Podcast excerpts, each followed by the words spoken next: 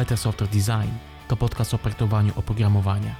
Wraz z moimi gośćmi rozmawiamy o architekturze, szczegółach implementacyjnych i wyzwaniach z tym związanych. Jeśli interesujesz się tworzeniem oprogramowania, to ten podcast jest właśnie dla Ciebie. Zapraszam na odcinek.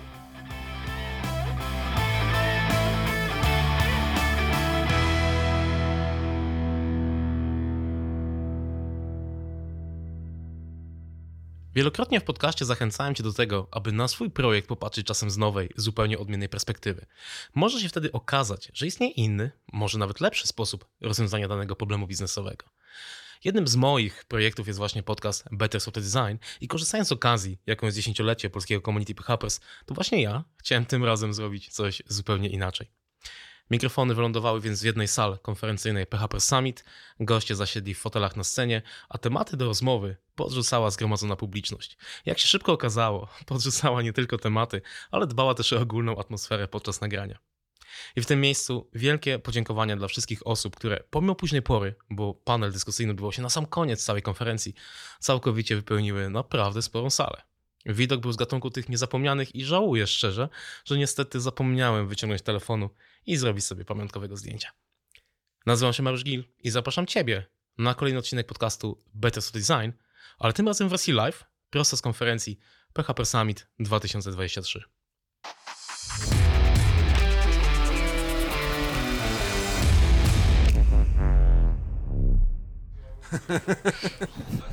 Dobra, słuchajcie, wybaczcie małe opóźnienie, ale jak zwykle. Ja bym powiedział, że jestem za stary na deadline, więc jakby tutaj.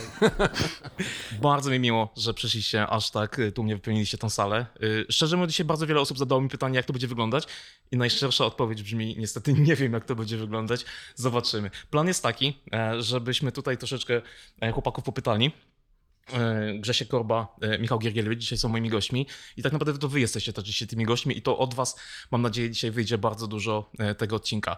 Plan na tę rozmowę jest taki, że ja tutaj chwilę chłopaków pomęczę pytaniami o jakość kodu, jak możemy zadbać o to powiedzmy w krótkim terminie, co możemy zrobić, oj, coś nam się sprzęga, co możemy zrobić w projekcie w krótkim terminie, natomiast później mikrofon powędruje do Was. Y, tutaj wcześniej Łukasz y, wyświetlił e, linka, zresztą już przetestowaliśmy, już wiemy jak to działa. E, wrzuciliście trochę pytań. Y, link też jest na, na, na, na Facebooku, PHPersowym, na, na, na, na LinkedInie chyba nie, ale na na Twitterze, także zachęcam do tego, żeby wrzucić pytania. To mam cały czas podjąć na Wasze pytania. Natomiast jeżeli ktoś by chciał e, zadać to pytanie publicznie, bo nie wiem, nie wstydzi się i ten. Tutaj jest e, Darek Drobisz. Wystarczy, że podniesiecie rękę. Darek powędruje do Was z mikrofonem, będzie może to pytanie zadać. Będziecie później na antenie. Odcinek nie będzie. Dużo osób się pytało, czy ten odcinek będzie live. Nie ufam Wam wszystkim. Cześć!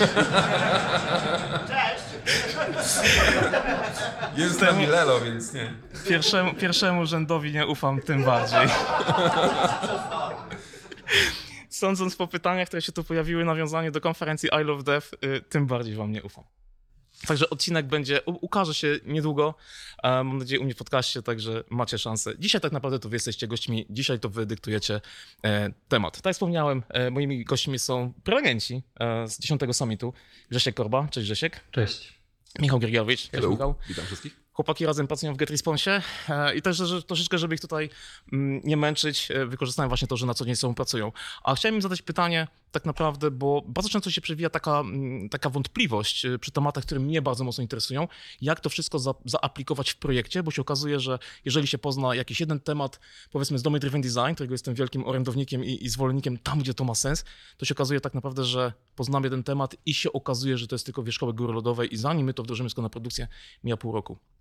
Natomiast chciałbym często coś wdrożyć w bardzo krótkim czasie. Chciałbym tą jakość projektu podnieść praktycznie, powiedzmy, z dnia na dzień. Nie mówię, że jutro, bo jutro jest niedziela, ale powiedzmy w poniedziałek. I chciałem się Was zapytać, słuchajcie, jak możemy powiedzieć jakość kodu na dowolnym poziomie? Na poziomie architektury, na poziomie designu, na poziomie, powiedzmy, security, testów, procesu, ale tak, żeby to było bardzo, bardzo szybkie. Może ja zacznę. Jeżeli chodzi o, o to, co my zrobiliśmy w ostatnich miesiącach i tak naprawdę to zautomatyzowaliśmy różne procesy związane z e, wytwarzaniem oprogramowania, które nam załatwiają e, standaryzację po prostu w projekcie w wielu, wielu, wielu różnych aspektach. Takim naprawdę quick winem, e, można powiedzieć, że przykładem jest na przykład standaryzacja kodowania po prostu, czyli wdrożenie narzędzia, które systematyzuje, jak kod ma wyglądać. Bo to ma tak naprawdę dwa plusy. Pierwsze, kod nasz wygląda jak powinien wyglądać, tak jak chcemy, bo skonfigurujemy to tak, jak oczekujemy, te reguły, ale dwa, eliminujemy ryzyko bezsensownych dyskusji na code review. No bo taka jest prawda, wytykanie sobie pozycji klamry y, na, na code review mija się z celem i to jest naprawdę duży, duży zysk. Można to wdrożyć szybko. E, W GetResponse zrobiliśmy to nawet w taki sposób, że nie musieliśmy przeformatować całe, całego kodu z góry na dół. Mamy zautomatyzowane to w taki sposób, że w merge requestie y, analizowane są tylko te pliki, które są zmienione w ramach merge requestu, więc wtedy można je po prostu poprawić. To się zapytam tak szybko do was. Ręka do góry. Kto ma standardy określone w projekcie? Oj, widzę Okej, parę rąk nie ale zostało jest, podniesionych. jest trochę rąk, które się nie podniosły, nie? I Dopytam, To do was. kto się pokłócił o to na code review? No, no właśnie. Tak. Dokładnie. Ja bym dodał też takich quick winów, które też się mogą wydawać oczywiste e, dla niektórych, dla niektórych może nie. E, To pipeliny to jedna sprawa, bo wiadomo, że komituję, puszuję i tam pipeline jakoś leci i ewentualnie rzuci mi błędem, że coś źle zrobiłem. Natomiast wiadomo, że można to wszystko robić przed komitem i jakieś tam analizatory składni, czy ECS-y, czy różne tego typu narzędzia, one są do zainstalowania w 5 sekund, tak? I problem, jak zrobisz to, że tak powiem, sam, to to jest twoja reguła. I potem, potem właśnie są te słynne kłótnie na code review, że ta klamra ma być na dole, a nie w tej samej linii i tak dalej. To bez sensu. Lepszym narzędziem jest po prostu zakomitowanie tych reguł do repozytorium. Po prostu. Tak? Można się raz pokłócić, raz ustalić, kto ma rację i czy będzie to jakiś tam PSR 12 albo jakieś inne, narzędzie, jakieś inne reguły, zakomitować to w idei, w katalogu i niech to jest szerowane w projekcie. I wtedy nie ma bata. Ktoś klonuje, klonuje to repozytorium jako świeży deweloper i nie musi myśleć, jakie są reguły. Jak zrobi to źle, no to mu PHP Storm podpowie, że zrobił, że zrobił to źle. A jak się jeszcze uprzemy, to będzie jeszcze Captain Hook, który mu nie, nie pozwoli zakomitować tego, bo mu powie, że sorry, ale w, tym twoim, w tych twoich zmianach nie ma klamry w poprawnych miejscach. Tak? I po prostu sorry, popraw, bo inaczej commit nie przejdzie. Tak? I to bardzo szybko uczy deweloperów tego, że jakby no tak trzeba po prostu zrobić, bo inaczej nie mogę skomitować kodu. E, I to jest upierdliwe, to jest irytujące, ale po dwóch, trzech tygodniach kłótnie znikają z code review. Tak? Nie ma już klamr i spacji, i tabów, i następnictwa funkcji. Wszystko się robi automatycznie. I to jest błyskawiczna rzecz. To ja bym troszeczkę to rozwinął, bo takim efektem y, właśnie, bo tak mm, Michał mówi, że tego, żeby nie pogarszać, no bo nawet jeżeli ten kod jest jaki jest, no to może faktycznie jakby nie pogarszajmy jego jakości. Bo rzeczą, którą można zrobić wyjątkowo, wyjątkowo szybko na przyszłość, żeby tak mm, było sprawdzane, tak jak Grzesiek mówisz, na przyszłość, no to możemy dodać niewielkim kosztem testy architektury. Nie? To jest temat mocno dyskusyjny. Y, Z ciekawości, ręka do góry, kto z was y, ma w projektach testy architektoniczne? Zobaczcie, raz, dwa, trzy, cztery, pięć, sześć, siedem. Siedem rąk. Osiem. My pracujemy na tym projekcie razem, także macie mieć. To na poniedziałek będzie task, nie? Nie, właśnie, bo to jest coś, co mm, pozwoli nam na przyszłość e, troszeczkę uniknąć tych, tych rzeczy. Możemy tym testem architektonicznym opisać na przykład to, że warstwa, na przykład, nie wiem, ta część mod- naszego systemu, jakiś moduł, nie odwołuje się na przykład bezpośrednio do tego modułu, odwołuje się tylko przez jakąś, nie wiem, przez jakieś proxy, przez jakąś fasadę, żeby tak naprawdę tych rzeczy e, nie łączyć na przyszłość. Mamy szansę, żeby to gdzieś tam, gdzieś tam zdekaplować. Co jeszcze by się dorzucili? Do takich, wiecie, quick winów, które można zrobić powiedzmy w poniedziałek, ewentualnie zacząć, ale żeby zysk był może nawet przed końcem tygodnia. To ja może przypomnę narzędzia, które wdrożyliśmy w GetResponse w ramach y, tak naprawdę procesu migrowania PHP do wyższej wersji, bo te narzędzia nam po prostu pomogły. One są szybkie do wdrożenia, a dają duży zysk. Y, Jest to na przykład Composer Unused. Y, To jest narzędzie, które pozwala wykryć y, zależności, które mamy w Composer JSONie w, require, w sekcji require, ale tak naprawdę nie są fizycznie używane w aplikacji. Czyli niepotrzebnie je w ogóle instalujemy, bo nie ma do nich odwołań.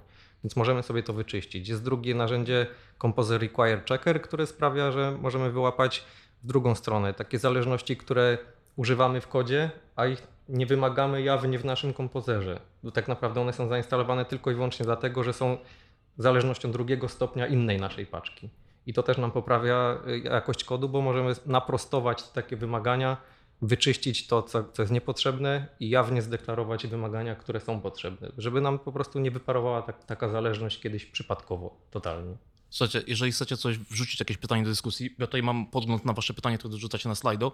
Ręka do góry, Darek będzie obserwował i da, da wam mikrofon. Bo pada tutaj pytanie em, od was tak naprawdę z publiczności, czy standaryzacja, o której rozmawiacie, ma sens na poziomie całej firmy, czy lepiej zrobić to per serwis? To zależy. Wiecie, wiecie, po czym, wiecie, po czym poznaje się konsultanta? Dokładnie tak. Fakturę wystawię. Wiecie, po czym się poznaje tak zwane seniority konsultanta? Bo to, że tam konsultanta się poznaje, po to zależy, to wiadomo, nie?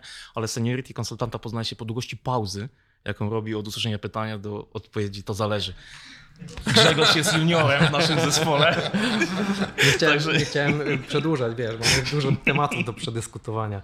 Generalnie moje zdanie jest takie, że fajnie jest mieć standard wymyślony jakiś y, i, i to jest bardzo proste w tych narzędziach wszelakich, bo, bo wystarczy stworzyć jakąś paczkę, która jest instalowana jako zależność deweloperska, jest y, używana w konfiguracji i wtedy wszystkie projekty mają jakąś wspólną bazę. Natomiast y, no, nie oszukujmy się, aplikacje są różne i to, co zadziała w jednej aplikacji, niekoniecznie zadziała w innej, bo możemy mieć jakiś legacy kod, który po prostu formatuje się w jakiś dziwny sposób, albo nie wiem, mamy nagle jakieś diffy na pięciotysięcznych plikach, które tylko utrudniają nam robotę i chcemy niektóre reguły wyłączyć w takich projektach, a w innych jak najbardziej wolelibyśmy je trzymać. Także no to, tak jak powiedziałem, to zależy, natomiast bazę podejrzewam, że warto by było przygotować. Em, Ja troszeczkę to może jeszcze doprecyzuję, tak mi się wydaje, bo e, są pewne reguły, które powinny być globalnie. Czy ma sens, żeby były globalnie. I te najprostsze powinny być globalne. Jakieś formatowanie kodu nie ma sensu, żeby różne zespoły formatowały kod w różny sposób, bo to nie ma żadnego znaczenia. Tak? I pojedynczy standard jest lepszy dla wszystkich, bo migrowanie pomiędzy projektami i wdrażanie nowych pracowników jest po prostu prostsze. Zwłaszcza, jeżeli ten standard nie jest wasz. I to jest, mi się wydaje, że kolejna rzecz, nie wdrażajcie swoich własnych standardów kodowania. Tak? Nieważne, że wy lubicie, nie wiem, klamrę tu albo tam. Jeżeli na przykład mamy w PHP jakiegoś PSR-a, który o tym mówi, to bierzmy tego PSR-a, please. Naprawdę, nie wymyślajmy świata na nowo. Ja wiem, że niektórzy nie lubią tej klamry innej albo tej spacji pozmiennej, czy przedrówna się, czy porówna się. To są, to są tylko i wyłącznie preferencje.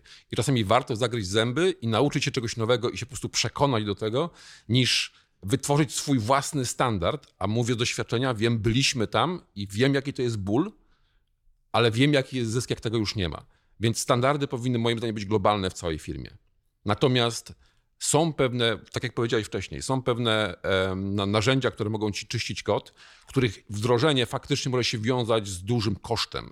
Jak mamy mały projekt, to wdrożenie na przykład, nie wiem, PHP Stan na poziomie 10 może być kwestią kilku godzin, ale może mieć projekt, gdzie na poziomie czwartym może to być rok czasu. Więc to wtedy faktycznie może być zależne, bo to faktycznie może, koszt może być zbyt duży w stosunku do tego, jaki jest zysk.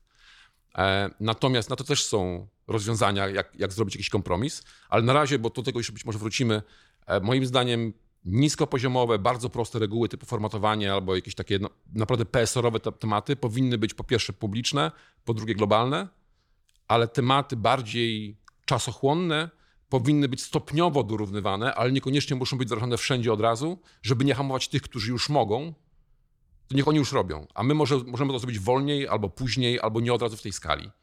Tak, natomiast mi się wydaje, że fajnie jest mieć wspólny cel i gdzieś mieć jakąś politykę, że słuchajcie, chcielibyśmy w całej firmie mieć taki standard i taki psalm, czy PHP stan, czy coś takiego na takim poziomie i tych reguł się trzymać i używać rektora w takim, w takim stopniu. Natomiast nie musimy tego zrobić od razu. To ja bym trochę się nie zgodził. Wy- Wyjątkowo. E, Może, nie na, może część standardów faktycznie na poziomie całej firmy, natomiast e, dużą decyzyjność zostawiłbym zespołowi. Nie? Że te standardy często są na poziomie zespołu, który opiekuje się fragmentem aplikacji. Nie wiem, czy to jest moduł, czy to jest jakiś tam serwis. A Pewną dowolność jakby kształtowania tych standardów zostawiłbym tutaj, bo być może jest tam coś, co faktycznie ma sens tylko i wyłącznie w tym, w tym obszarze. Natomiast m, pada też pytanie e, od e, anonimowego gościa, nie podpisał się, czy możemy wymienić jakieś konkretne narzędzia, e, które m, wykorzystujemy w czasie standaryzacji.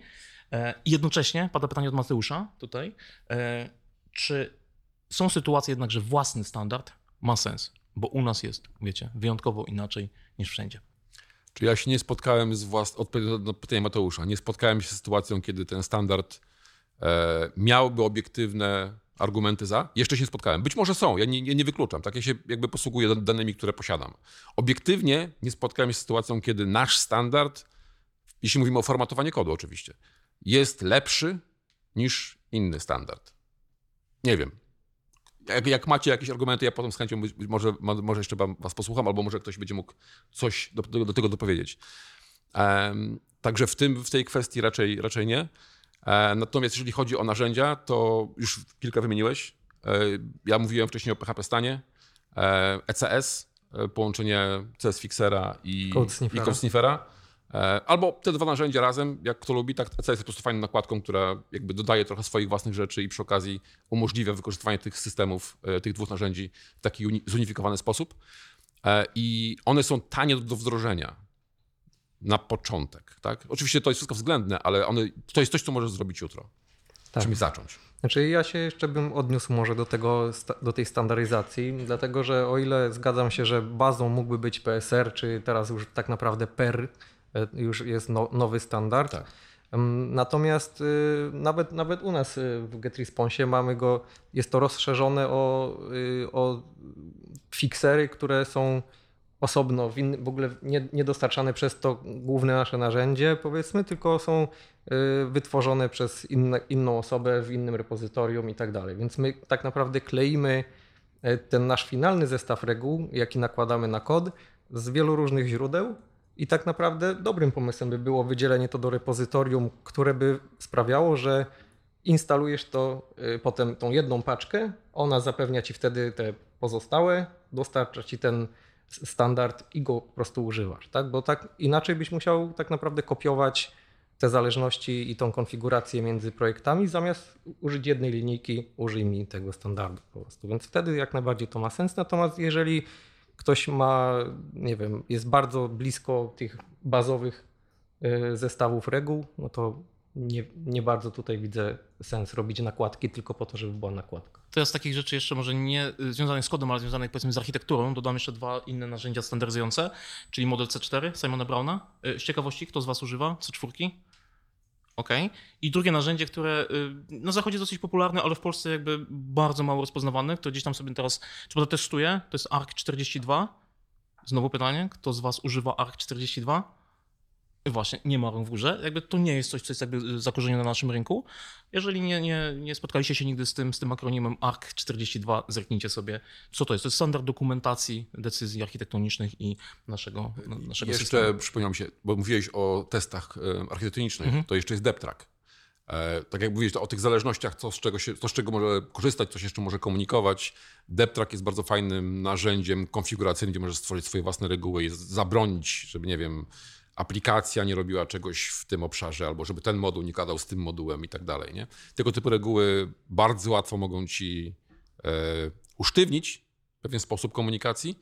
Natomiast z tym modułem jest też tak, z tym systemem jest też tak, że w projektach Legacy właśnie tutaj dochodzimy do tego kryterium kosztowności wdrożenia i e, sensowności. Tak? I bardzo często się to kończy w ten sposób, że mamy standard, ale są wyjątki. E, bo na przykład koszt odcięcia tej komunikacji między tymi modułami, które nie powinny istnieć, ale istnieją, bo pro- produkt ma 15 lat, na przykład to trzeba spędzić 3 miesiące, żeby tylko to odcinać. I może faktycznie na razie dajmy to do jakiegoś baseline'a, zróbmy jakiś wyjątek, e, co DepTrack pozwala zrobić i po prostu wtedy możemy przynajmniej nie robić nowych krzywd, ale stare krzywdy będą żyły i to już tylko od nas zależy, kiedy się ich pozbędziemy. Dobra, zastanówcie się nad następnym tematem, który chcecie. Jeżeli ktoś chce wrzucić coś nowego, ręka do góry, y, Darek poleci. Y, Pytanie, które tutaj wrzuciła kolejna osoba y, z, z, widowni brzmi. Standardy, jeśli chodzi o syntaks, to jedno, ale co z nazewnictwem? Em, Chodzi o kwestie typu interface, suffix czy exception w każdym wyjątku. Jakie są różne szkoły, w sensie są różne szkoły i firmy robią to różnie. Jakie macie zdanie na ten temat? Moje zdanie jest takie, y, jeżeli widzę, że to jest interfejs, bo jest to zadekla- zadeklarowane jako interfejs, to jest to dla mnie całkowicie zbędne. I w sumie takim dla mnie jedynym wyjątkiem, kiedy ujawniam tą, powiedzmy, odpowiedzialność tego obiektu w jego nazwie, to jest repozytorium. Jakąś taką mamy konwencję, taki mamy standard. Taki mamy standard. Taki mamy standard. Zazwyczaj przy wyjątkach e, tego nie używam, przy interfejsach tego nie używam. Ale szczerze mówiąc, nie przeszkadza mi to, jeżeli ktoś ma inne podejście. Nie? Jakby moja, jeżeli mam okazję mm, pracować z jakimś zespołem, który ma jakiś standard, to zawsze uważam, że e, dla mnie to nie ma znaczenia. Ważne byłoby tylko to, żeby było to ok dla zespołu i żebyśmy wszyscy byli ok z tą konwencją.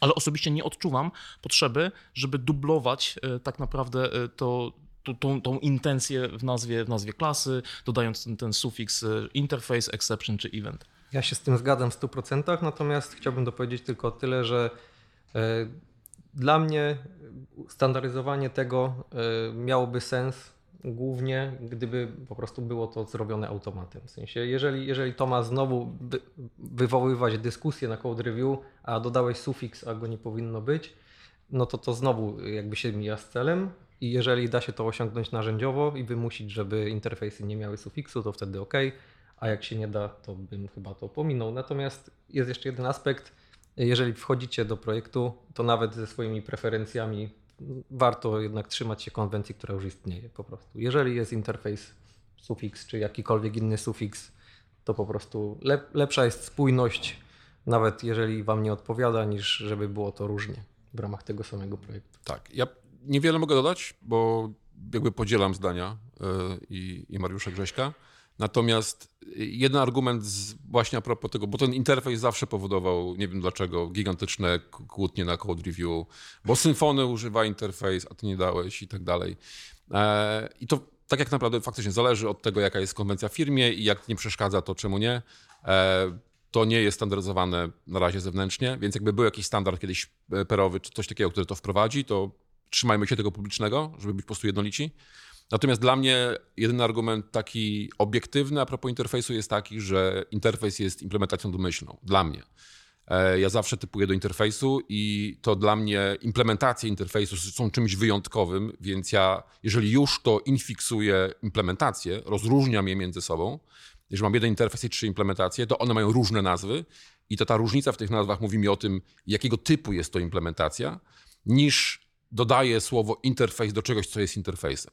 Dlatego nie lubię tego, sufi- tego sufiksu, po prostu, bo on jest tym czymś podstawowym, e, więc ten słynny e, repository interface, który bardzo często się przewija, dla mnie jest bez sensu, bo ja wolę mieć repository i zrobić sobie, nie wiem, Redis repository i DB repository jako implementację tego interfejsu. I to jest dla mnie obiektywny mój argument, dlaczego to może mieć dla mnie osobiście sens nieużywanie e, sufiksu interface. Ale to jest moja subiektywna opinia. Nie ma standardu, więc dla mnie róbcie tak, jak jest w waszych projektach. I dlatego nie pracujemy w jednym zespole. Sorry. Głos, głos dla ciebie. To ja mam przyjemność pierwszego pytania. E, Chcemy być spójni, więc najlepiej, jeśli byśmy mieli projekt w jedną albo drugą stronę, jeśli chodzi o nazewnictwo, y, klas architektoniczne, ale jednak żyjemy w projektach, które długo są. E, Przychodzi jeden zespół programistów, wdraża swoje. Nie do końca im to wyszło. Projekt nie jest spójny, przychodzi drugi, swoje wprowadza nazewnictwo. I w pewnym momencie nasz projekt jest miksem różnych podejść nazewnictwa. Nie wiem, dajcie radę może, jak można tu uargumentować, żebyśmy mm, jako programiści mogli rozmawiać z biznesem, żeby uspójnić, żeby popchnąć ten pro, projekt też pod tym względem popchnąć tą jakość, żebyśmy w tym nie żyli, bo to jednak jest ciężkie z. Je- Jeżeli ja mógłbym odpowiedzieć, to, No, śmiało, śmiało. to ja y, bym odradzał rozmawianie z biznesem na ten temat. w sensie y, rozmawiając z biznesem o, jakimś, y, o jakiejś funkcjonalności, która jest potrzebna w aplikacji, y, dodałbym 10% czasu na realizację i przy okazji oklepał jakiś refactoring i, i tyle, bo, bo przekonywanie biznesu, że, że ciebie denerwuje, że nazewnictwo jest inne w katalogach, chyba nie przejdzie. Ja się nie mogę nie zgodzić z przedmówcą w tym temacie. E, Dlatego oni pracują razem. Dokładnie tak, dokładnie tak. Oczywiście to nie, bo to, to są też specyficzne sytuacje. Na przykład my, my możemy e, jakby w naszych, naszych akurat osobistych realiach mamy możliwość przeforsowania takich tematów technicznych po prostu w ramach normalnych inicjatyw publicznych i nie musimy o tym rozmawiać z biznesem, bo rozmawiamy o tym z IT i z naszymi menedżerami, którzy dają nam a priori ten czas. Po prostu mamy go za, jakby zaklepany. To nie jest coś, co, o co musimy walczyć. Wręcz są zespoły, które są dedykowane Tak. do tego typu rzeczy. Dokładnie. Więc my się tym zajmujemy na co dzień. Tak? I, i jak, jak trzeba to takiego globalnego zrobić, bo na przykład faktycznie, tak jak powiedziałeś, jest cały projekt, który jest tak rozkopany i trzeba coś zrobić takiego systemowego, co nie, co nie zajmie dwóch dni jednemu człowiekowi, tylko dwa miesiące grupie, grupie osób, to de facto mamy zespół, który siądzie i to zrobi. Albo przynajmniej rozpocznie proces, opracuje procedury, opracuje narzędzia pomagające i tak dalej, a potem na przykład przekaże wykonanie do zespołu, który też będzie miał czas zaklepany. I to jest fajne. Jak nie masz tego, to już wkraczamy trochę na tematy biznesowe, że tak powiem, to trzeba to wymusić na organizacji, żeby ten czas się znalazł i trzeba znaleźć sposób, żeby im wytłumaczyć, że jakość jest istotna. E, I to jest cały can of worm, że tak powiem, osobny temat, tak jak to zrobić. Natomiast jak się nie da, to ta taka walka podjazdowa po cichu gdzieś tam tu 5%, tu 10%, tutaj jakiś mały refaktor, czasami jest jedynym wyjściem. I to jest takie realistyczne podejście, bardzo pragmatyczne, ale czemu nie? Aż mi się przypomniał ten projekt, gdzie y, to takie właśnie, że jest zespół, potem przychodzą kolejni, o Jezu, kto tak, wiecie, tam zepsuł, nie? I zalewają to betonem i budują kolejną warstwę. Wydarzyło się 11 razy, więc tak się przebijało to do, przez 11 warstw. E, I bym zadał pytanie w sumie, dlaczego my to zalewamy betonem, a nie naprawiamy, nie? Że y, jeżeli to słownictwo było problemem i zamiast wprowadzać nowe, to bym się zastanowił, czy tego, co było obecnie w repozytorium, nie należy po prostu zrefaktoryzować, nie? Żeby, żebyśmy tak naprawdę na koniec mówili e, jednym językiem i rozumieli. Nie chcę tutaj, żebyśmy zaraz znowu tutaj wjechali w tematy tak szybko. tak właśnie czułem, Dobra, czułem ten chcę. początek, nie? Chcę. language. Nie, ale, ale to prawdopodobnie jest y, wynikiem tego, bo pytanie, co naprawiamy? Czy y, leczymy objawy? Nie? I wiesz, zalewamy to, czy leczymy, przy, leczymy przyczynę i próbujemy zrozumieć, jakby czemu, z czego to wynika, nie? Bo jeżeli będziemy tylko i wyłącznie leczyć objawy, to ktoś będzie leczył nasze objawy, nie? I tak dalej. Y, Ale słuchajcie, bo też padło pytanie od Leszka, e, troszeczkę nawiązaniem do poprzedniego wątku, bo pytanie brzmi, ile projektów posypało się tak naprawdę, jeżeli interfejs miał sufikt e, w swojej nazwie i moim zdaniem odpowiedź brzmi okrągłe zero. Oczywiście. Okrągłe zero. Dlatego powiedziałem, że nieważne, Tak. byle jak, byle spójnie. Chyba, że istniał test sprawdzający, czy interfejs ma sufiks. Was. I, i, I wtedy fail. To trzeba wtedy pójść do Lelo na, na, na, na warsztat, żeby się dowiedzieć, jak, No się- taka- jak się robi testy. Taka ciekawostka, na przykład w CS Fixerze e, jest test, który sprawdza, czy wszystkie klasy testowe mają słówko final. Po prostu, jeżeli test nie jest final, to, to testy nie przejdą, takie auto-review i jest, jest fail i trzeba poprawić, więc jakby można to wymusić w ten sposób, jeżeli tylko się chce, tak? Bo to jest kwestia decyzji. Okay. Mamy pytanie z sali chyba? Cześć wszystkim. Cześć, cześć. A, a ja chciałbym trochę porzucić ten temat Holywaru, bo nie jesteśmy baptystami, jak mówił jeden kolega 20 lat temu na rozmowie rekrutacyjnej, a chciałbym przerzucić na temat tego, że na przykład pojechał team lead na konferencję, usłyszał trzy, trzy litery DDD, przyjechał i mówi robimy DDD. No dobra, wdrażamy, ale team lead mówi, a ja zmieniam pracę. Przychodzi, no, no, i no nie wdrożyli my DDD, tam agregaty, no, może jakichś paru wielu obiektów. Wraca inny, przychodzi nowy team lead i mówi, słuchajcie, design, design patterns, gang on to jest nasze po prostu zwycięstwo. I zaczynamy po prostu wdrażać factory, fasady, inne rzeczy i znowu nachodzi pracę i, przychodzi, i wraca nowy gość i mówi, że no DDD. I chciałbym zapytać, czy, co robimy w takim przypadku, gdy przychodzisz na projekt, w którym połowa jest tak raczej dominowa, połowa jest obiektowa, a jednocześnie jeszcze wiesz, że prywatne e, zmiany nazywają się z przedrostkiem, wiesz, tak, tak, z czasów. I Więc e, możemy w tym temacie jakoś tak po prostu porozmawiać, co robimy w tym temacie, czy dorabiamy DDD, czy Zmieniamy, zmieniamy robotę. Tak, tak. Zrób To, co twój team zrobi. Em,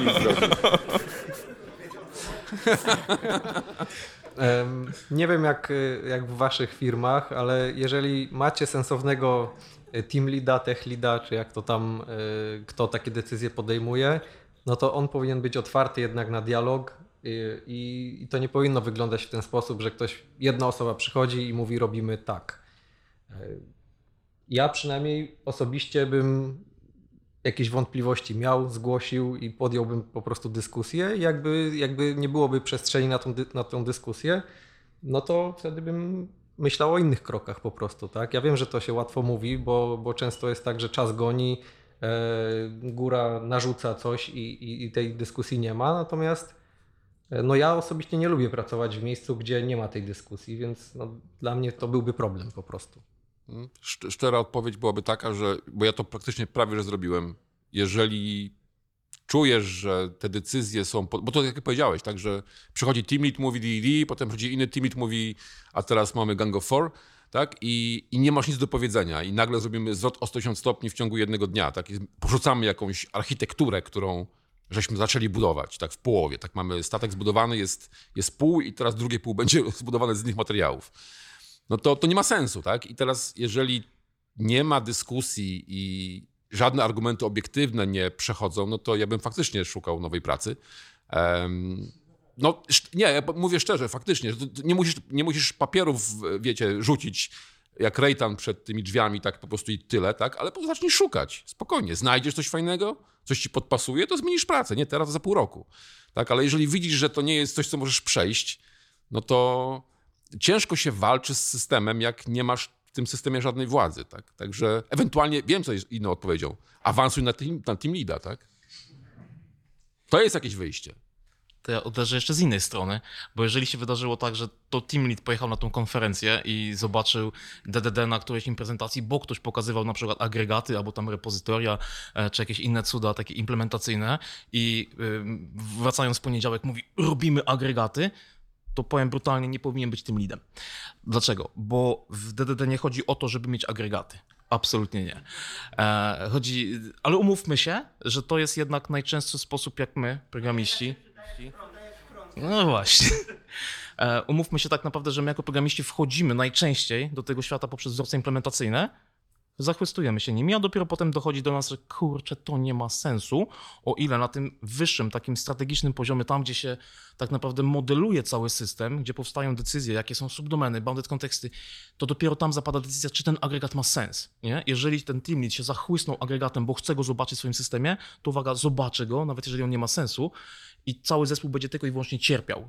I powiedziałbym, że pewnie z połowa przypadków, jakim ja mam e, okazję się spotykać, e, refaktoryzując systemy, to jest między innymi właśnie wycinanie z kodu takich szalonych pomysłów, nie? Wdrażanie DDD, to się czas kiedyś nazywało chyba DDD Lite, nie? Te wszystkie wzorce implementacyjne, tylko one nie mają sensu, jeżeli ta, problem, który my rozwiązujemy, tego nie wymaga, nie? Tylko umówmy się, my jako ludzie kodu, czy związani z kodem, musimy go zobaczyć, więc jakby naturalna rzecz, ale ta osoba nie powinna być tym leadem, jeżeli kazałby mi to zrobić. Tak, y, ja te, jako ciekawostkę to mogę powiedzieć, że taki znajomy ostatnio opowiadał, że u nich właśnie zmienił się team lead, czy tam tech lead, obojętnie. E, No i on sobie podjął decyzję, w zasadzie to kończymy pisać w PHP i teraz będziemy robić w dotnecie. E, No i, i owszem, są osoby, które lubią na przykład wyzwania i chętnie się przestawią i zaczną co, totalnie co innego robić, ale ktoś, kto się przyjmował jako deweloper PHP, może niekoniecznie ma y, chęć z dnia na dzień zmieniać w ogóle język i technologię. Więc to, to jest taki przykład, jak powiedziałeś. No jeżeli ktoś, ktoś tak, jeżeli, jeżeli, jeżeli ktoś, ktoś przychodzi i taką decyzję podejmuje bez jakiejś konsultacji i w ogóle to jest tak autorytatywne, no to to jest po prostu niezdrowe miejsce do, do funkcjonowania. Było pytanie odnośnie też dotneta, bo tu widzę, że kto, ktoś już wszedł ten temat. y, Dlaczego akurat y, w dotnecie jest przyjęty ten standard, że tam wszystkie interfejsy się i gdzieś zaczyna? Nie, nie, nie wiem jaka jest przyczyna. Gdzieś po prostu ktoś podjął, podjął taką konwencję, taką, a nie inną. On był wymyślony dawno temu, to wiecie to. Dobra, słuchajcie, y, jeżeli nie macie innego pytania, bierzemy coś z listy, natomiast zanim ja sobie to jeszcze przeskroluję, pytanie do was, bo padło pytanie z publiczności. Ile trwa build w get response? E, Build czego? Czego? Doprecyzujcie teraz. Ja powiem ogólnie aplikacji, wy sobie Czy doświadczycie. to jest tak, czekajcie. Build obrazu bez żadnych cache'y podstawowej wersji naszej aplikacji trwa bez żadnych cache około 20 minut prawdopodobnie. E, Na lokalnej maszynie. W pipeline pewnie około. Tam, tam zawsze jest cache, więc ciężko powiedzieć, pewnie też około 20 minut. Z cache'em trwa ze 3-4 minuty. Jeżeli mówimy o takim pełnym obrazie, natomiast deweloperzy pracują na obrazach takich runtime'owych, które nie mają sporej części obrazu produkcyjnego czy, czy testowego, więc tamten bit trwa paręnaście sekund. Mniej więcej, tak to wygląda. To jest y, bardzo złożone pytanie, bo tak naprawdę mamy też przygotowany obraz bazowy, który się buduje specjalnych okolicznościach, a potem ten build dalszy korzysta z tego obrazu bazowego, więc tak naprawdę jeżeli nie ma dalszych zmian, to to jest bardzo szybkie, więc to jest naprawdę temat na osobną prezentację tak naprawdę. E, Ja robiłem prezentację na PHP Konie rok temu, gdzie pokazywałem środowisko deweloperskie Made Easy i tam był przykład takiego właśnie systemu e, multistage'owego, gdzie mogłeś sobie oszczędzić właśnie mnóstwo czasu buildu dzięki odpowiedniemu spreparowaniu warstw. E, I to, to właśnie teraz zostało jeszcze wzbogacone właśnie przez to, że to, co jest najcięższe najczęściej w obrazach, bo teraz mówimy, na razie mówimy o buildzie, jak dopracujesz, czy chodzi o coś innego, to możemy jeszcze dopracować tamtą część. Jeżeli chodzi o obrazy, e, to najczęś, najczę, najcięższą częścią tego obrazu, jeżeli chodzi o procesowanie, jest OS. E, Jak zmieni się jakaś wersja paczki, albo coś tam się podbije, albo ty chcesz coś podbić, no to cały OS, który najczęściej pierwszą warstwą się przebudowuje i wszystkie cache idą w śmietnik i cała reszta też wtedy dłużej trwa. Więc my tą warstwę wydzieliliśmy do osobnego procesu i ten OS się przebudowuje jakby offline'owo, e, asynchronicznie, wtedy kiedy trzeba. Więc deweloperzy nie, nigdy nie przebudowują lokalnie obrazów, które zawierają zmiany OS-owe, więc u nich zawsze ten obraz jest pobierany z cache'a. Oni przebudowują tylko i wyłącznie zależności tak naprawdę już deweloperskie, ale nie budują nigdy kodu, ponieważ kod i tak jest montowany z y, dysków lokalnych na laptopach, więc on nie bierze w ogóle udziału w tym buildzie. Także to tam ten build potem jest tylko do, do kopiowania jakichś tam plików konfiguracyjnych, xdebuga. Czyli I generalnie to zależy. generalnie tak, to zależy. Długo wyczekał, także seniority z Uczy się. Dobra, zanim kolejne pytanie, takie szybkie, bo myślę, że to szybko załatwimy, bo padło pytanie, czy PHP 6 ma jeszcze szansę. Numerek jest wolny cały czas. Tak, numerek jest wolny, Numerek także jest wolny. wiecie. E, dobra. Droga wolna. Każdy, każdy z Was może się wykazać. No. Dobra, Ania wrzuciła pytanie, e, zaskakujące, bo związane z agregatami. Jak znaleźć granicę agregatu, kiedy domena jest agile'owa, to znaczy często się zmienia? I pozwólcie, że zachowam się jak Tadeusz Sznuk, to znaczy... Nie, nie Tadeusz Sznuk, e, wezmę pytanie na siebie. E, jak znaleźć tą, tą granicę agregatu w projekcie tak naprawdę, myślę, że startupowym? Ja mam definicję startupu. Kto ze mną pracował, to wie, że startup to jest nazwa procesu technologicznego, który konwertuje dowolnie za fajny pomysł w dług technologiczny. I to jest ok, ponieważ przedsiębiorca cały czas szuka, wiecie, swojej wizji i to się będzie zmieniało. I zadałbym pytanie, czy ja to muszę w rzeczywistości robić, nie?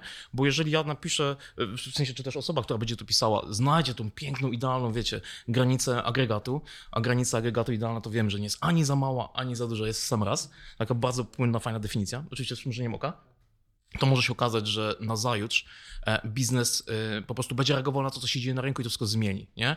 Więc w przypadku, jeżeli zauważyłbym taki problem, że faktycznie to jest bardzo niestabilne, to bym tylko zobaczył, czy faktycznie, jeżeli nie ma żadnych istotnych konsekwencji biznesowych, że my pewne reguły naruszymy, coś się złego stanie, według nas złego, e, bo uwaga, dla biznesu często naruszenie problemu, granicy tego mitycznego agregatu nie jest problemem, to wtedy bym się tym absolutnie nie przejmował. Zaraz też podam przykład y, z produkcyjnego warsztatu. Y, Że, że jak się to biznes określił, bo wtedy tak naprawdę możemy zrobić y, najprostsze rozwiązanie, nawet tego mitycznego kruda. Jeżeli ten projekt się utrzyma na powierzchni, tak biznesowo przez chwilę, i będzie sens go rozwijać dalej, to znaczy biznes tak naprawdę zarabia na tym hajs i będzie jakby też opłacało się to refaktoryzować, dobra, to wtedy to poszukajmy. Agregatów się szuka znacznie, znacznie łatwiej, jeżeli system jest stabilny. To, że kod w repo wygląda jak wygląda, nie? jakby tam wiecie, mm, coś zrobiło z jesienią średniowiecza i tak dalej, i tak dalej, to to jest problem techniczny. Nie? Te ścieżki takie biznesowe, łącznie właśnie z tymi regułami biznesowymi, są już wygrzane. Już wszystko było przetreptane, wiemy, co działa, co nie działa, i w takim otoczeniu to jest znacznie łatwiej do, do, łatwiejsze do znalezienia i jest bardziej stabilne. Na początku bym się tym nie przejmował. I podam wam przykład. E, Kiedyś na, na jednym z warsztatów, e, gdzie mm, zespołem analizowaliśmy produkcyjny projekt, większość osób technicznych się zafiksowała, że tu jest niezmiennik do ochrony, my musimy go ochronić, nie? I tutaj będziemy projektować agregaty i cała dyskusja poszła w tym kierunku. Natomiast na tej sesji też był CEO i CTO e, tej organizacji i powiedział, wiecie co się stanie, jak my to naruszymy? Uwaga, nic się nie stanie. Jedna osoba otrzyma telefon i to jest najgorsze, co się może wydarzyć. Nie poświęcajcie na tym uwagi. Koniec. Nie wiem, coś z tego można ogóle dodać. Wiesz. Jakby zostało opowiedziane z ambony i tak trzeba robić. E, e, czy, ale poważnie, wiecie co, bo tak naprawdę jak, jak się myśli o agregatach, to, to jakby dla mnie agregat jest jakby wynikiem jakby tego, jak my skonkretyzowaliśmy jakiś proces biznesowy. Tak? Czyli przeanalizowaliśmy proces biznesowy, który istnieje, jakoś, jakoś działa i my go teraz rozbiliśmy na czynniki pierwsze, na jakiejś sesji eventstormingowej i teraz wiemy, że tutaj jest ten, te eventy są i tutaj jest ta kompetencja, to jest jakiś model kontekst i schodzimy niżej i tak dalej. Jeżeli ten proces biznesowy jest non-stop zmienny, to nie możesz zejść w dół. To jest to, co powiedziałeś, tak? To jest jakby nie ma innej, jakby to jest za wcześnie, tak? Jak to się codziennie ma zmieniać, to co codziennie musiałbyś robić sesję i odkrywać ten agregat i non-stop modyfikować kod. Więc może faktycznie jest po prostu za szybko. Że nie mam nic innego do dodania. Także. To y, kolejne pytanie y, w tym temacie. Y, Jak zszykiwać do agregatu serwisy, na przykład polityki, przez setter, argument, metody, czy może w jakiś inny sposób? I osobiście robię to najczęściej przez argument metody. Ale to zależy. Zrobiłem pauzę. Wiesz to, jeżeli, jeżeli, jeżeli masz stały zestaw polityk, e, jakąś fabrykę, coś w tym stylu, jakąś tego typu mechanizm, e, to możesz to, że tak powiem, wstrzykiwać nawet jak na poziomie konstruktorów, jeżeli to robisz. To jest jakby, jeżeli to jest stałe. Ale jeżeli ta, te polityki dostarczasz do, e, jakby przy każdym wywołaniu, w zależności od czynników zewnętrznych, różne, to wtedy przekazanie ich przez parametr tej metody, którą wywołujesz, może mieć większy sens. Albo jeżeli ta polityka jest tylko w tej jednej metodzie potrzebna, to ja bym to zrobił w ten sposób. Osobiście. Nie wiem, czy to jest dobrze, ale tak bym zrobił. Ja się podpiszę pod tym, e, bo długą przerwę zrobimy od pytania, bo to zależy.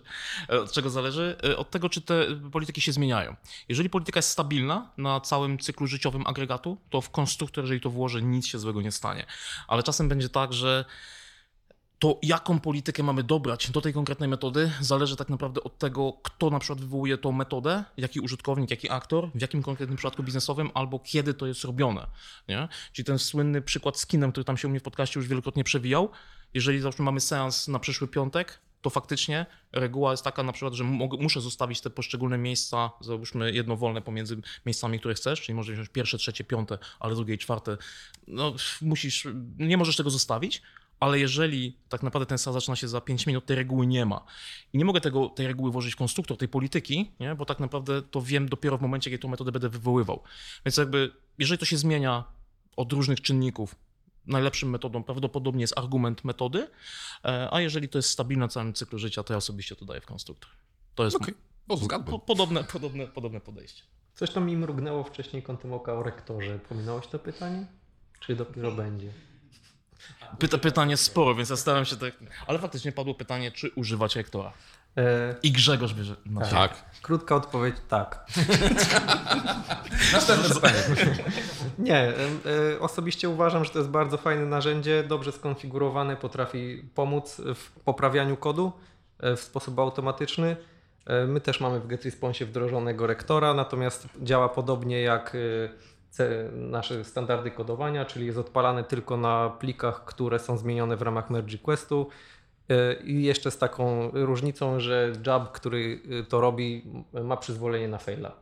E, Czyli tak naprawdę nie blokuje nam merge requesta. Są to opcjonalne zmiany, które można zrobić, bo tak naprawdę to nie jest zmiana w kodzie, prawda? To jest tylko, Tylko sugestia. to jest sugestia na poprawienie nie wiem, składni, użycia jakichś nowszych rzeczy albo jakieś optymalizacje. Więc jeżeli deweloper chce to nałożyć, to po prostu ma lokalnie też możliwość odpalenia prostej komendy e, i może to zrobić. To ja się was zapytam, ręka do góry, kto używa rektora u siebie w projekcie? Okej, super. Nieźle, nieźle. Brawo. Musisz więcej artykułów napisać.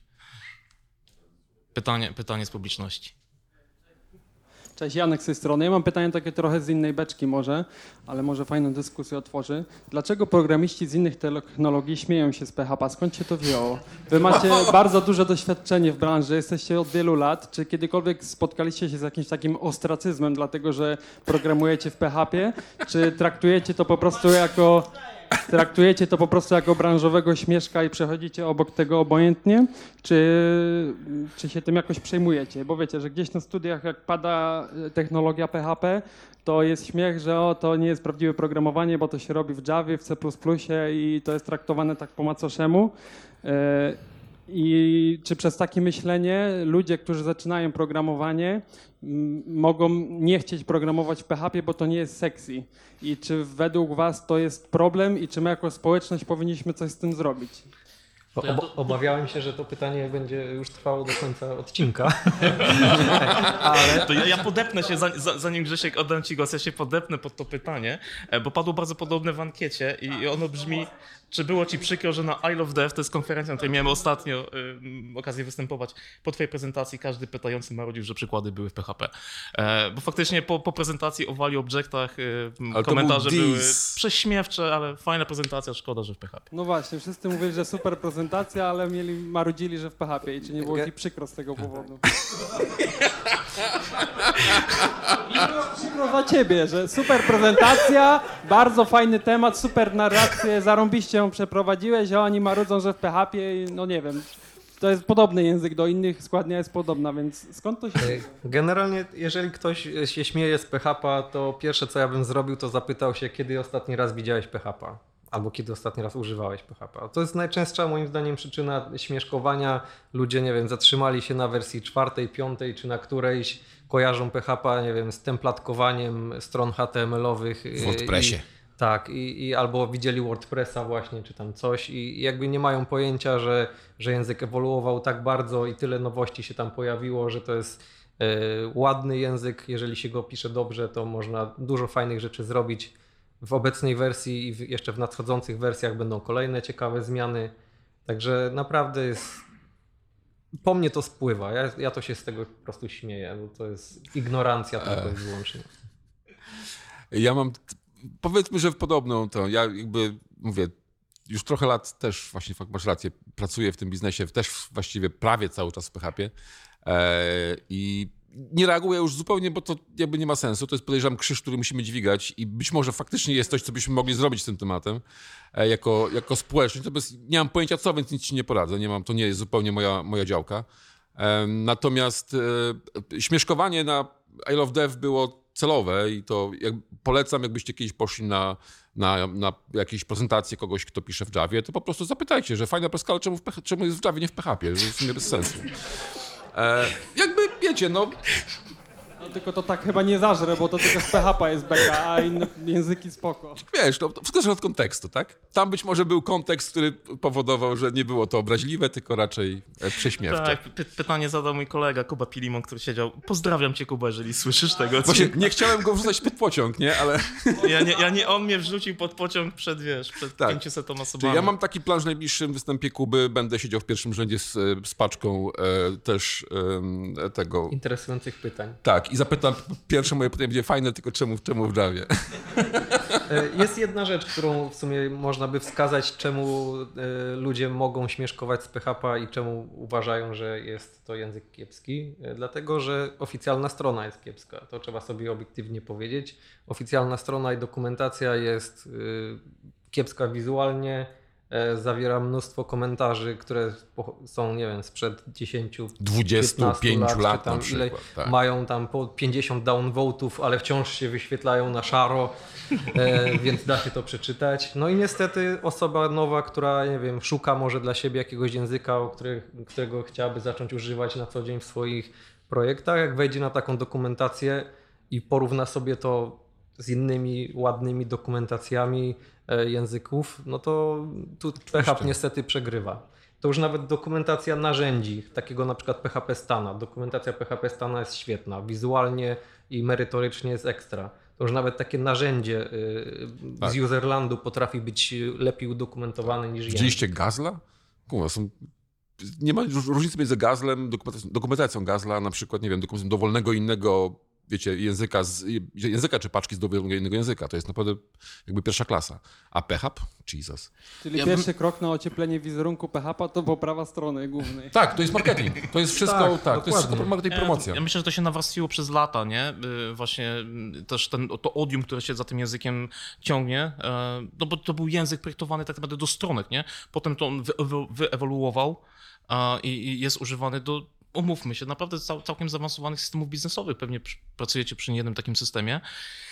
Natomiast to, to gdzieś tam zostało. Nie? Jakieś zadałem to pytanie, które y, Michał właśnie mm, pokazał. Zapytałem się osoby właśnie z ekosystemu Java, jaką wersję, o jakiej wersji PHP mówi. Nie była nawet w stanie podać numerka. Dobra, to jakby ta dyskusja nie ma sensu i, i, i idźmy dalej. Natomiast y, ja bym dodał jeszcze jedno. To nie język jest problemem. Nie? Jakby to jest to, co jest między oparciem fotela a, a ekranem. To jest problem. Nie? Głowa tej osoby i, i myśli, które tam krążą.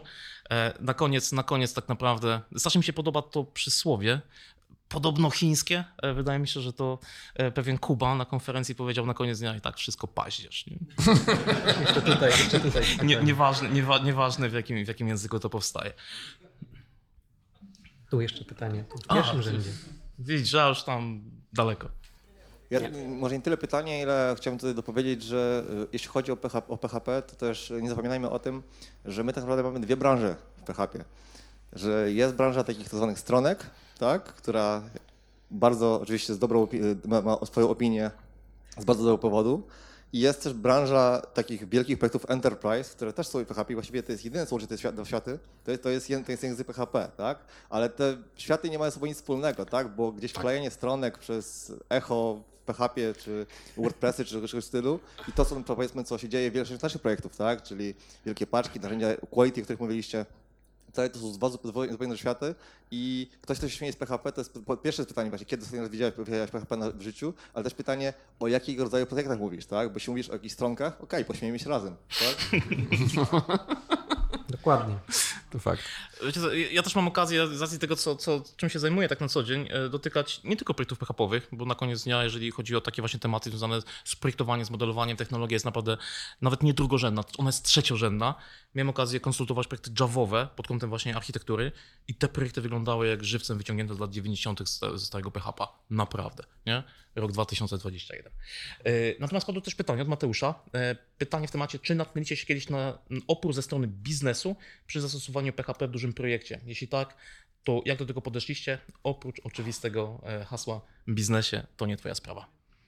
Znaczy moim zdaniem y, to wszystko zależy od tego, jakie są kompeten- kompetencje w zespołach, tak? No bo jeżeli y, biznes przychodzi z jakimś pomysłem na jakiś projekt y, i zespół na przykład ma pięć, pięć osób liczy, tak? I z tych pięciu osób cztery są super PHP-owcami, trzy na przykład gdzieś tam liznęły, nie wiem, Javy czy tam cokolwiek, no to decyzją tak naprawdę y, podstawową jest, y, moim zdaniem, znaczy kryterium do podjęcia takiej decyzji, moim zdaniem jest, jakie najlepsze mamy kompetencje, tak? No bo to, to nie jest kwestia wyboru, a napiszmy sobie w Go na przykład, a ktoś potrafi w tym zespole Go? Nie. No to, no to po co pisać w tym Go, tak? No to no go. To, to no go. To no go. No bo no do tego się to sprowadza. No po co wybierać technologię, z której nikt nie zna i teraz wszyscy się będą musieli tego nauczyć, tak? No jakby korzystajmy z tego, co mamy. Tak. Nie wiem, czy wiecie, jak kiedyś e, Facebook, e, zanim przeszedł na tak naprawdę na, na HHVM-a, e, a później na haka, jakie pytanie oni sobie zadawali od strony właśnie biznesowej w tym kontekście, jakby, o którym omawiamy, padło pytanie, ile będzie kosztowało zatrudnienie tylu, tylu programistów Java. Tyle. Nie stać nas. Zostajemy na tym języku, ponieważ mamy tu x deweloperów i po prostu koszt przejścia jest po prostu zbyt duży. Nie? Jakby to jest argument, który często działa do drugiej strony. Nie technologia, tylko tak naprawdę ile kosztuje utrzymanie tej technologii, nie? I jaki jest tak naprawdę jej koszt utrzymania długo, długofalowy. No tak, ale też właśnie jeżeli by chcieli mimo wszystko zmienić taki język i, i przejść na inny, no to y, też na wyobraźnię działa powiedzenie, dobra, spoko, napiszemy to tam w jakimś innym języku, tylko szykujcie się, że za 6 miesięcy to może jakiś poc będzie, nie? Po prostu, bo zanim y, ludzie zdobędą kompetencje i będą w stanie cokolwiek sensownego napisać, no to muszą po prostu poświęcić mnóstwo czasu na, na naukę. To w sumie nie- wiem, czy Łukasz y, Chrusie jest na sali. Jesteś Łukasz? Nie widzę cię. Mamy jeszcze chwilę? Możemy jeszcze przyciągnąć? Chcecie jeszcze posłuchać chwilę? A, to jest, to jest. I będziesz musiał ciąć.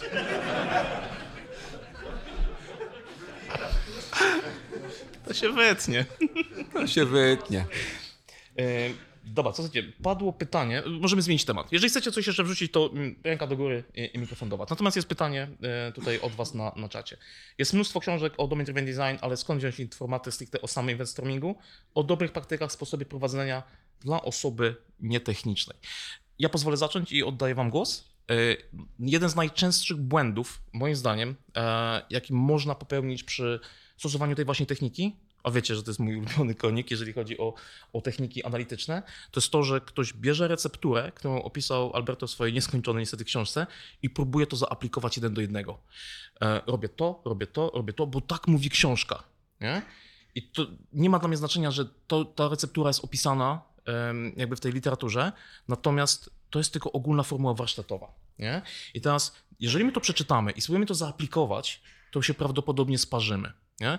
Dlaczego? Bo tak naprawdę to zawsze trzeba dopasować do konkretnego problemu, do konkretnej sytuacji. Niektóre etapy tego warsztatu nie mają sensu, bo nie doprowadzą do niczego innego niż strata czasu. Nie? Skąd wziąć tą, tą wiedzę i, i, i doświadczenie? No właśnie, niestety, tylko i wyłącznie moim zdaniem z prób boju. Natomiast y, można to uzyskać bardzo, bardzo szybko, często na poziomie community, często na poziomie zespołu. Można przeprowadzić sobie taki warsztat tylko i wyłącznie w celu pozyskania jakiegoś, wiecie, know-how, może nie projektowego, tylko takiego skillowego, który doprowadzi do tego, że wasza następna sesja w projekcie, być może pierwsza, odniesie tak naprawdę sukces, nie? Bo moim zdaniem nie ma chyba nic gorszego niż zachłyśnięcie się tym konceptem, zobaczenie, ok, mam taki krok, taki, taki, taki, taki i to muszę zrobić w tej procedurze z takimi osobami i tak dalej, zaprosić te osoby i to się nie uda. A za pierwszym razem, jeżeli takie mam nastawienie, to się prawdopodobnie nie uda i będzie tak jak niestety, no właśnie w Poznaniu, w pewnym zespole, gdzie doszło tak naprawdę do takiej sytuacji, że kolejna sesja dla zespołu odbyła się prawdopodobnie, znaczy nie prawdopodobnie, odbyła się po roku, bo biznes nie dał się namówić na kolejne spotkanie, bo na poprzednim nic nie zostało osiągnięte, bo tak naprawdę ktoś nie zrozumiał idei tego warsztatu. Więc ćwiczyć, ćwiczyć, ćwiczyć i niestety czasami odpowiedź brzmi nie na projekcie firmowym. Ja nie mógłbym teraz odbić troszeczkę piłeczkę w waszą stronę i się zapytać, to skąd wy bierzecie doświadczenie na temat stosowania konkretnych technik? Jasne, że można się uczyć na kliencie, natomiast sami sobie odpowiedzmy, czy byśmy się chcieli uczyć, znaczy czy byśmy byli chcieli... Sorry, to się wytnie. Zobaczycie, jak będzie ładnie brzmiało później. Czy byśmy byli... By... Jezu. czy chcieli... Właśnie, czy chcielibyśmy być w sytuacji, kiedy lekarz się uczy operować na waszym kolanie? Jak, jak dla mnie git. No. A, a nie. Robiłeś pan kiedyś kolana? Nie. Ja jestem dermatologiem. A, Gorzej, go... Gorzej jak lekarz mówi, to się wytnie. dokładnie. Jest Ręka jakiś chyba jakaś głos w z sali? Tak, ręka w górze. Dobra, no super. To ja sobie sam dam teraz mikrofon. To słuchajcie, tak jak Mariusz powiedział przed chwilą, że można ćwiczyć na community i to, co już dzisiaj na swoich prezentacjach kilka osób wspomniało, oprócz tej konferencji mamy też lokalne meetupy i my bardzo chętnie przyjmiemy tam kogoś, kto będzie chciał poprowadzić sesję z ludźmi z community, dowolnej metodyki, czy to event stormingu, czy czegokolwiek innego, tam sobie przećwiczyć, zanim pójdzie do klienta, a jednocześnie nauczyć kolegów, a nam to zdejmie trochę z ramion szukanie kolejnych prelegentów, więc zapraszamy i zachęcam do tego, co mówił Mariusz. Community jest po to, żeby wam w tym pomóc.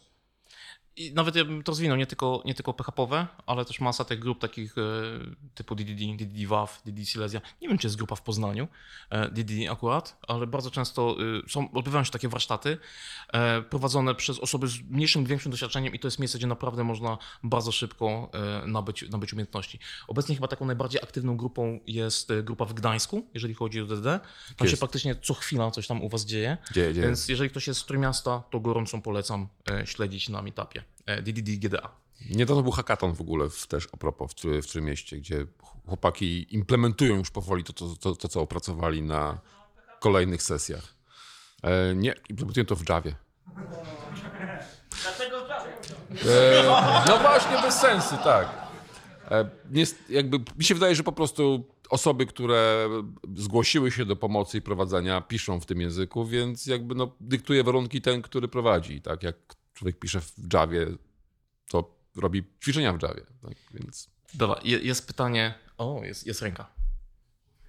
Chodzi na pole i chodzę, a jeszcze jest bardzo fajna grupa DDD Kraków, ale tam jest także jest reading club, club i to, że po prostu czytamy książkę, po prostu rozdział za rozdziałem, ale to raczej odbywa się na Slacku online, to więc zapraszam do DDD Kraków, bo takie etapy w polu, no, na polu już nie odbywa się, bo przez to pandemię, ale grupa jest dość aktywna przez te po prostu czytanie tych książek i tam na przykład ten Blue Book był przeczytany i kończył się takim bardzo fajnym od Konrada Otremskiego takim ciachem, bo, bo Ch- Chyba, chyba też książka o archetypach na, na waszym reading clubie. no tak, E, tak. mhm, Teraz mhm. jest kolejna edycja, to decyduje grupa, co czytamy dalej, to więc DDD KRK na meetupie, jeżeli ktoś by chciał. to lecz nie tylko Trójmiasto.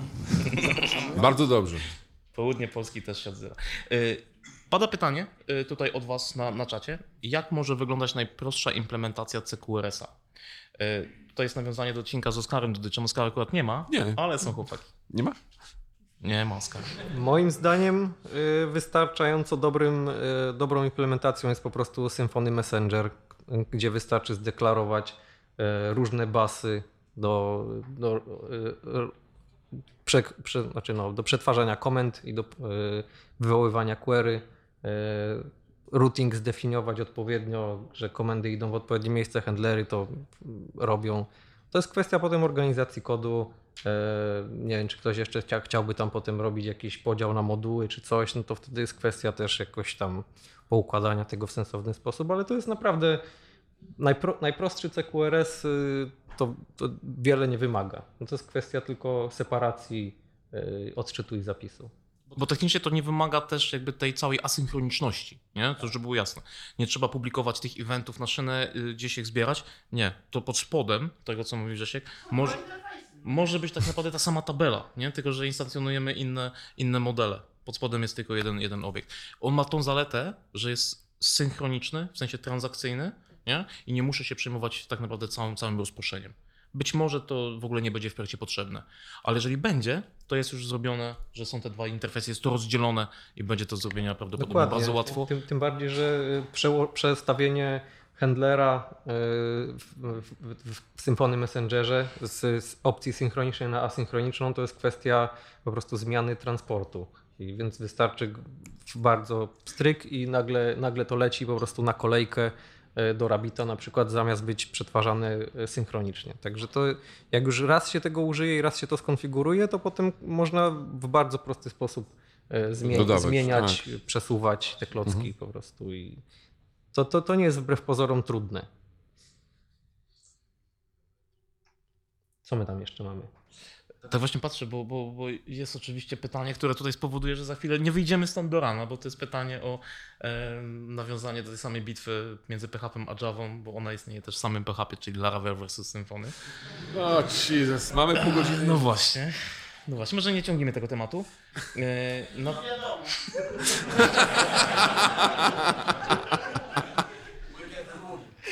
Może, możemy to zostać do rana.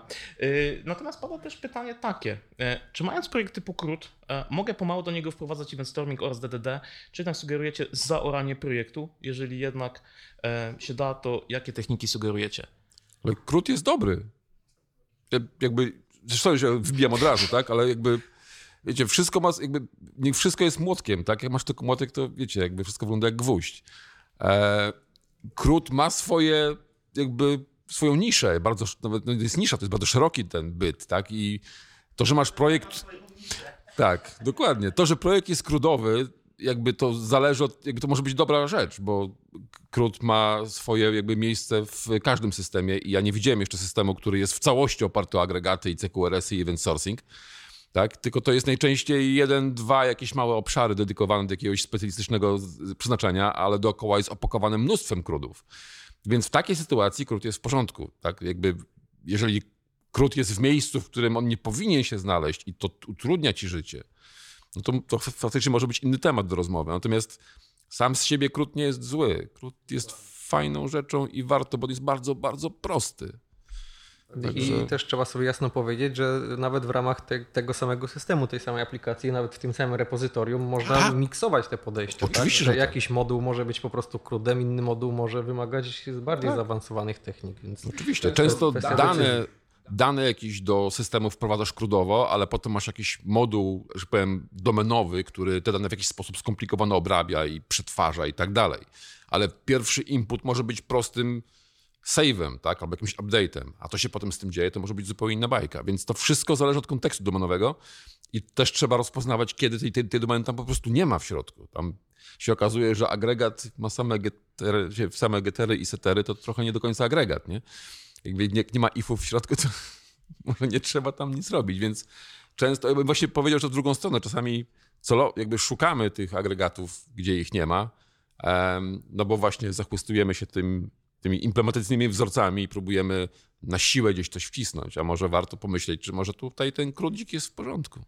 Jeżeli, jeżeli ten krót w ogóle nie, przy, nie przysparza żadnych problemów, nie, to jakby dobra, no, może, może to nie jest problem, że to jest krót, nie? Bo tak jak mówisz, być może akurat ta część systemu jest, ma taką naturę. Tak. E, I ja się nie spotkałem chyba w życiu z sytuacją, kiedy właśnie tak mówisz, nie, cały system miał tą bogatą Tak, logikę. nie ma. Nie, bogaty jest ten core, on jest otoczony tak naprawdę tymi kodami, bo one muszą dostarczyć jakichś tam podstawowych danych, żeby te bardziej skomplikowane procesy gdzieś tam wystartowały. To jest najczęstszy case. Natomiast to jest bardzo fajny aspekt tego pytania, bo to ktoś się pyta, czy można to zrobić pomału, nie? Te, te, te elementy. I odpowiedź jest moim zdaniem jak najbardziej tak. Natomiast co mogę zrobić właśnie y, w bardzo krótkim czasie? E, zamiast y, poznawać tą całą, powiedzmy, y, nie chcę powiedzieć ideologię, nie, ale całą tą, powiedzmy, ideę driven design, to mogę ten kodzik ulepszyć w bardzo, powiedzmy, prosty sposób i zacząć te koncepty, tak jak to się pyta, po- pomalutku wprowadzać. Odpowiedzią jest tak naprawdę value object. Jakbym miał wybierać jeden ze wzorców taktycznego domain driven design, nie tego strategicznego, taktycznego, nie wybrałbym agregatu, wybrałbym value object, bo to jest coś, co może poprawić projekt w bardzo dużym wymiarze, a jednocześnie ten element, ten value object, umówmy się, nie mówimy tu o Maneju, nie, którego możemy ściągnąć z biblioteki, nie? mówię o tym takim faktycznie e, domenowym wzorcu, będzie podwaliną pod znacznie bardziej zaawansowane rzeczy. Na koniec dnia tak naprawdę ten agregat, on pilnuje, żeby ten graf obiektów, nie, NC, właśnie value objectów się zmienił w określony sposób. Będę miał przynajmniej tą podwalinę położoną, a przy okazji, i to jest znacznie ważniejsze, zacznę się uczyć o tej domenie. Jeżeli faktycznie jest tam coś bardziej złożonego, czy trzeba będzie tego kruda powolutku wycinać, to powolutku go wytnę. Też chyba nie zdarzyło mi się obserwować takiego, powiedzmy, zaorania projektu dużego, który, który zarabiał pieniądze na produkcji, nie? nawet takiego feature freeza, który da ten czas. E, ni- Nigdy nie widziałem em, praktycznie, chociaż myślę, że w tej, w tej branży też nie jestem od wczoraj, bo to zarabia pieniądze nie? i cały czas będzie to trzeba modyfikować, więc pomalutku, małymi krokami po prostu refaktoryzować. Mateusz ma pytanie. E, Tylko mam nadzieję, że to nie będzie kolejne pytanie, które jednak godzinę nas tutaj przytrzyma. Framework, framework agnostic. E, Spoko czy nie spoko? Tylko wiem, że to zależy, e, ale kiedy, kiedy spoko, a kiedy nie spoko? Pytanie do wszystkich panów na mównicy.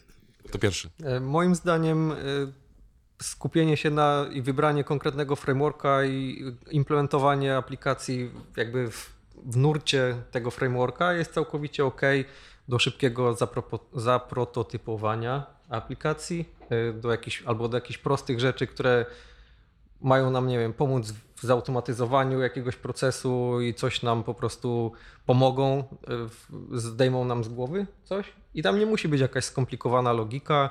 e, To można po prostu zrobić tak, jak dokumentacja frameworku pokazuje. Natomiast jeżeli myślimy o jakichś złożonych systemach, które będą się rozwijać i w pewnym momencie istnieje ryzyko, że to będzie skala właśnie, nie wiem, kilkudziesięciu tysięcy plików y, PHP i mnóstwo tam tysięcy czy wręcz milionów linii kodu, no to raczej nie brnąłbym w taką architekturę, którą podaje oficjalna dokumentacja, bo to, bo to są zazwyczaj y, przypadki bardzo optymistyczne po prostu. Dokładnie. Ja bym powiedział, to zależy.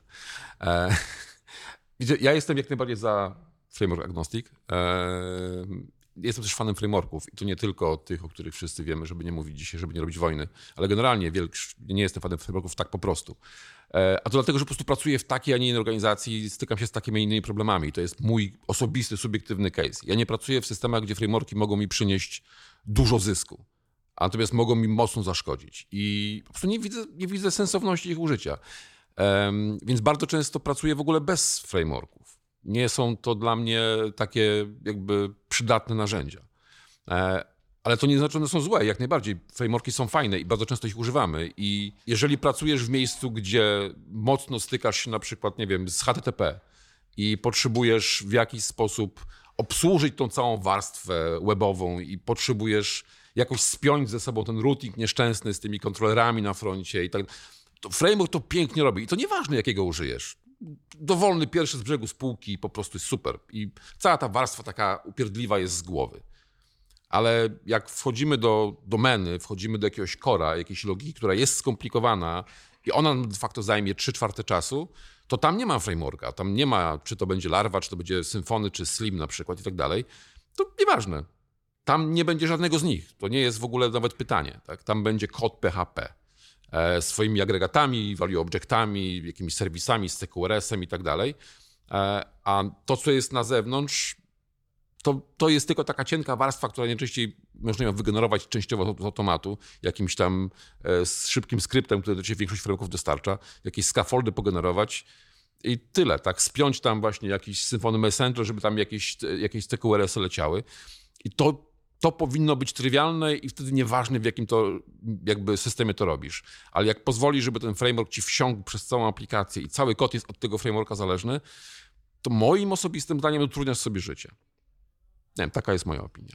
Chyba nie dodam nic więcej, bo wydaje mi się, że jeżeli to jest coś korowego dla naszej organizacji, co będzie rozwijane, y, autentycznie mocno rozwijane przez lata, to prawdopodobnie nie chciałbym się z tym kaplować. Nie? Mnie kilkukrotnie już spotkało to, że niestety framework stracił wsparcie i były duże problemy, bo te rzeczy były bardzo mocno zrośnięte, więc jeżeli wiem, że to będzie długo rozwijane, no to rozetnijmy to.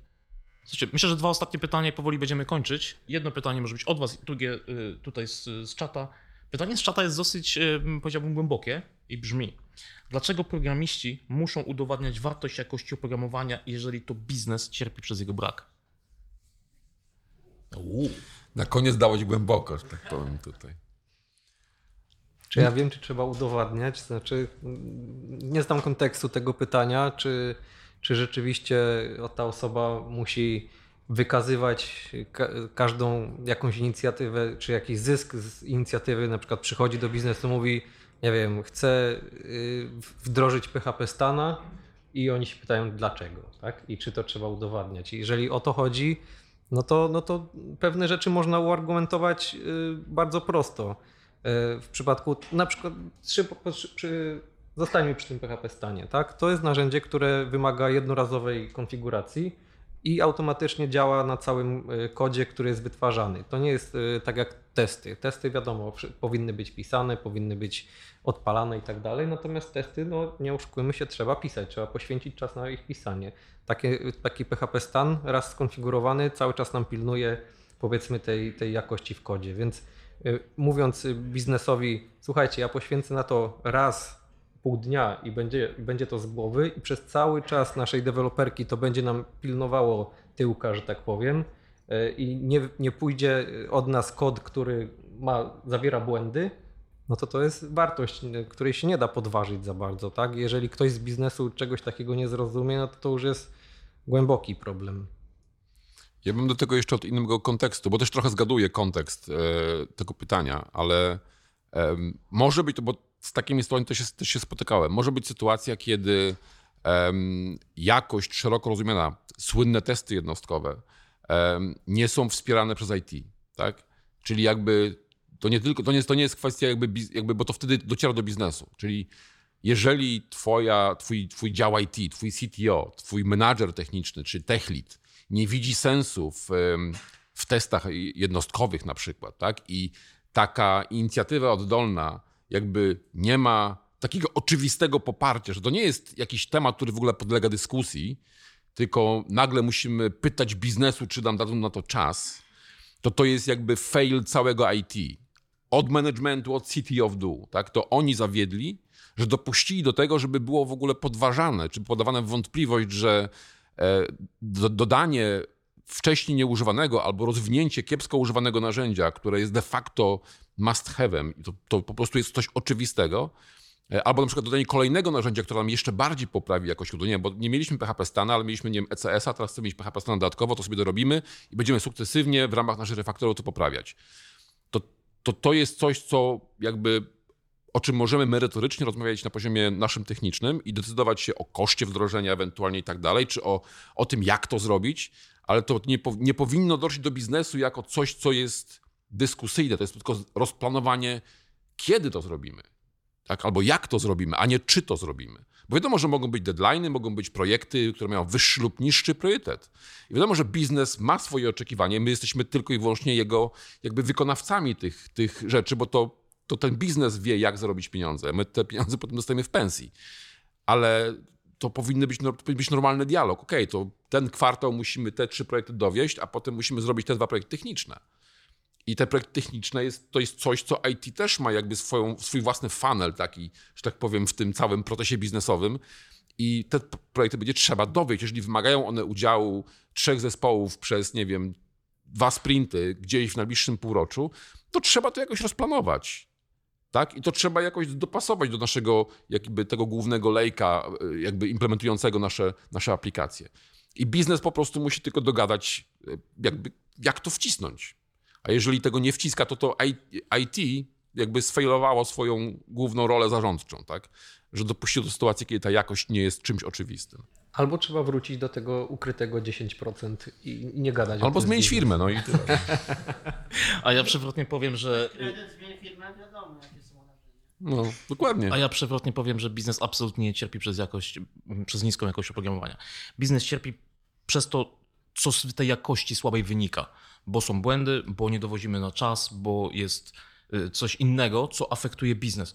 Uwierzcie, że osoby biznesowe, które gdzieś tam są wyżej, 2 czy 3, może 10 pięter w hierarchii, dla tych osób nie ma znaczenia, czy efferent coupling jest na poziomie 12, 4 czy 58 tysięcy.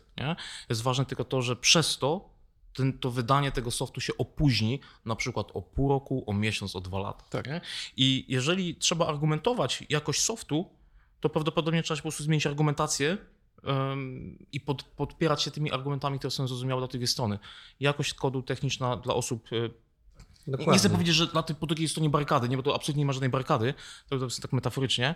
E, trzeba po prostu zmienić argumentację. Znaleźć problem, który jest po drugiej stronie i, jego, i, I go ilość adresować. zgłoszeń przychodzących przez jakiś tam serwis desk na przykład, tak, ilość błędów na centry, która jest jakoś tam widoczna na przykład. No, Ja, mnóstwo ja to miałem na myśli mówiąc właśnie o tym failu IT, tak? Bo to wiadomo, że to nie ty będziesz teraz szedł do prezesa albo do jakiegoś głównego wykonawcy biznesowego i tłumaczył mu przewagę PHP Stana, tak?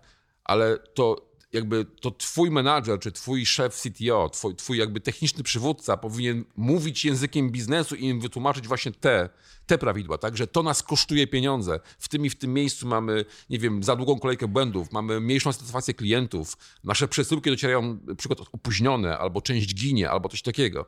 I tu jest coś, co to poprawi i to kosztuje tyle. I my to zrobimy. Tak? I to jest jakby ten język, to, to jakby to nie ty jako szary deweloper powinieneś tłumaczyć biznesowi przewagi tego mechanizmu, tylko ktoś wyżej nad tobą powinien to zrozumieć i przełożyć to już na właśnie konkretne, jakby takie biznesowe argumenty. Bo one są biznesowe, tak jak miałeś rację tutaj. Mamy jakieś ostatnie pytanie z sali? To przy okazji się zapytam, y, co myślicie o dokumentowaniu takich decyzji? ADR-y, RFC. Jak do tego podchodzicie? Jak, czy stosujecie? i Jeśli tak, to jak? Stosowaliśmy, ale umarło. Jest to, jest to, nie, jest, jest, jest, mieliśmy kiedyś taki szczytny plan i przez jakiś czas to działało, ale niestety gdzieś nam zabrakło woli, prawdopodobnie. Mieliśmy ADR-y w repo komitowane. Mamy jeszcze kilka, i taki, to jest taki, taki fajny shame, jak, jak czekał tu już ten projekt i tam jest katalog ADR i tam jest, są trzy ADR-y, ostatnie sprzed dwóch i pół roku, nie wiem. Mm. Boli jak się patrzy, niestety. Ale ADR-y fajna idea. Idea, idea jest fajna. ekstra, natomiast y, to wszystko oczywiście zależy i między innymi od tego, jak duży jest zespół, jak duża jest aplikacja. Czasami to jest tak, że to jest tak bardzo rozproszone, że nawet nie ma takiego punktu, żeby się po prostu zebrały te osoby zainteresowane, podjęły tą decyzję. Y, Za długo by to trwało i za bardzo by blokowało. Czasami te, te rzeczy są zrobione po prostu no, zespoły mają jakieś swoje sprinty, powiedzmy, zadania wpadają, feature'y są implementowane i, i, gdzieś ten po drodze- gdzieś tam w tym swoim grajdołku robi i ciężko... Podejmuje jakąś cięższą decyzję po prostu przy Tak, okazji no, do, poniekąd. nie? dokładnie, albo przy konsultacji wiem, z adminami, albo Tak. coś po prostu, ale to zazwyczaj będzie trudne w, do skonsultowania w takim szerokim gronie i do udokumentowania jeszcze, bo to by mocno wpłynęło na, na przebieg tego sprintu. Tak? Inna sprawa jest może, jeżeli rzeczywiście ktoś nie, nie ma sprintów, tylko ma dość elastyczny czas i mu nie zależy na tym i chce sobie tego ADR-a rzeczywiście zrobić. Ja osobiście uważam, że to jest fajna idea, ale w praktyce może być różnie z tym po prostu. No. Nie oszukujmy się. I, I nie, nie mam nic przeciwko ADR-om na Confluencie. Ja tylko bym dodał faktycznie. Ja bym tylko dodał, że mm, ADR są dla mnie takim powiedzmy rozwiązaniem powiedzmy obecnie prawie że must have przy y, dokumentowaniu architektury, jeżeli załóżmy nie ma jakiegoś innego sposobu i tak jakbym tutaj było wspomniane, nie, starałbym się to trzymać może nie w tym konfluencie, ale blisko kodu. Natomiast znowu wracamy do tego standardów dobrych praktyk, Tak. żeby to nie umarło. Nie? Każda praktyka, Tak. jeżeli nie jest podtrzymywana, jest tylko po prostu jakimś pustym, e, pustą obietnicą. Dokładnie. I, i Dlatego ja wolę ADR-y w takim rozumieniu wdrażamy coś, co po prostu działa, tak? Bo sam kawałek tekstu napisany w pliku y, nic nam nie zrobi, bo po pierwsze ludzie muszą o tym pamiętać, muszą się do tego stosować, y, ktoś tego musi pilnować i tak dalej, i tak dalej. Jeżeli mamy Y, ADR w postaci wdrażamy deptraka, który był wspomniany i, i tam mamy te reguły wpisane, tam można ładnie sobie poziomo, pionowo ciąć jakkolwiek się chce, bo narzędzie jest elastyczne. To jest nasz ADR, tak? Nie chcemy, żeby ten moduł się komunikował z tym, ale to jest y, ciąg, ciągle y, jakby pilnowane, tak? W trybie, w trybie automatycznym. Więc y, ja, ja preferuję tego typu rozwiązania niż suchy tekst. Mm, Aczkolwiek dobrze jest notować nieraz takie decyzje strategiczne, bo przynajmniej wiadomo czemu zostały To- to- podjęte, jaki był To background. i pomaga tak w tym kontekście, bo to nam się na przykład akurat teraz nam się, przyda, przydało. Mi się przydało osobiście, bo właśnie za czasów, kiedy te ADR jeszcze były stosowane, podjęliśmy jedną z takich decyzji bardzo istotnych w tamtym czasie. e, Nie będę wchodził w szczegóły. I została ona zapisana razem z powodem oczywiście i z celem oczekiwanym. E, I minęły te 2 czy 3 lata. Ja do tej decyzji wróciłem, ponieważ miałem pewne wątpliwości, czy w dalszym ciągu robimy to tak, jak chcieliśmy, żeby to robić, bo już nikt nie pamiętał. I w tym ADR-ze jest, jest ten ślad. Jest zapisane, dlaczego to zrobiliśmy, co było powodem, jaki był cel. Ja teraz mogę siąść i powiedzieć, słuchajcie panowie, trzy lata temu chcieliśmy zrobić to. Po pół roku przestaliśmy to robić. Celem było coś, co nie zostało w ogóle osiągnięte. Tak? To w takim jakby, jakby... Ale wszystkim się wydaje, że to cały czas działa, nie? ten mechanizm, który sobie zaplanowaliśmy, że będziemy go wykonywać. I, i mogłem jakby udowodnić na, pa, na papierze, tak, że po pierwsze to, chcieliśmy osiągnąć, to się wydaje, że zrobiliśmy, to wcale nie zostało zrobione. Tak? I że jest moment, w którym to przestaliśmy robić. I to wszystko jest w tym dokumencie opisane. I to jest dobry taki argument, żeby weryfikować potem swoje postulaty. Tak? Co pięć lat temu chcieliśmy osiągnąć i gdzie dzisiaj jesteśmy. Ja Bo osobiście uważam, jeszcze jedno krótkie zdanie, że prostą formą ADR-ów są dobre y, komity po prostu w historii. Y, To jest oczywiście mocno uproszczone, ale jeżeli w komicie zawrzemy informację, to zostało zrobione tak, bo, zrobił, bo, był- bo tak i tak inaczej nie działało, albo nie wiem, zapoznałem się z takim i takim i takim narzędziem, wybrałem to, bo bla bla bla, to też jest to forma ADR-a i można do tego wrócić łatwo w historii Gita yy, i odszukać tą, bo je- jest to swego rodzaju decyzja, tak? Czy tylko czy to jest po prostu plik gdzieś tam w jakimś folderze, czy to jest dokument na Confluencie, czy to jest commit message, to jest jakby detal. To pozwólcie, że zakończę ostatnim pytaniem i brutalną odpowiedzią, bo pytanie brzmi, który framework będzie dominował przez najbliższe lata? Odpowiedź niestety brzmi Javowy Spring, ale róbmy wszystko, żeby to było Symfony. Dzięki wielkie.